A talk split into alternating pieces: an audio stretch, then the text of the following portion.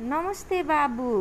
मलाई डाक्टर साहबले मोतियाबिन्दुको अपरेसन गर्नुपर्छ भनेर भन्नुभएको छ। अनि मलाई यो कोठामा पठाउनु भयो मैले के गर्नु पर्ला त? नमस्ते आमा। अब तपाईँले रगत र पिसाबको जाँच गर्नुपर्छ। त्यो जाँच गर्नको लागि कोठा नम्बर एक्काइसमा गइदिनुहोस् न। यो जाँचबाट तपाईँको कुनै सङ्क्रमण छ कि छैन भनेर थाहा पाइन्छ। त्यस पश्चात तपाईँ कोठा नम्बर तिनमा गइदिनुहोस्। त्यो कोठामा चाहिँ तपाईँको आँखामा राख्ने पावरको जाँच गरिन्छ। अहिले कोभिडको समय भएको कारणले तपाईँ पिसिआर टेस्टको लागि सरकारी अस्पताल वा मेडिकल कलेजमा गइदिनुहोस् न। ए हुन्छ बाबु। अनि अपरेसन गर्न आउने दिनमा पनि मैले केही कुरा विचार गर्नुपर्छ। त्यस्तो केही छ भने भनिदिनुहोस् न। भइहाल्छ नि आमा भनिहाल्छु नि। अपरेसन गर्ने दिन नुहाएर आउनुहोस् ल। र केही गरगरना छ भने घरमै राखेर आउनुहोस्। अपरेसनको दिन भोकै चाहिँ बस्नु पर्दैन नि।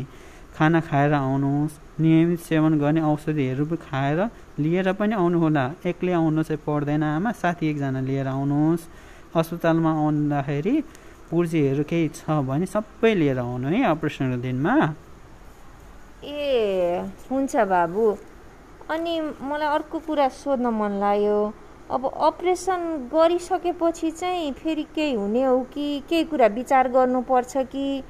भनिदिनुहोस् न ल बाबु। हस् आमा अपरेसन पछि एक घन्टा आराम गर्नको लागि हामीले राखिन्छ।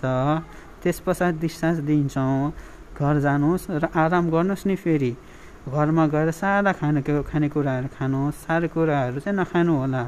अनि भोलिपल्ट सबेरै उठेर आउनु होला एक सबेरै तपाईँको आँखाकोमा लाएको पट्टीहरू खोलिन्छ र डाक्टर साहबले औषधिहरू दिनुहुन्छ।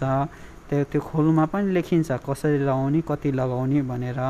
त्यस पश्चात तपाईँलाई कस कति लगाउने सबै भनेपछि तपाईँलाई कालो चस्मा दिइन्छ। त्यो कालो चस्मा चाहिँ एक महिनाको लागि लगाउनुहोस्।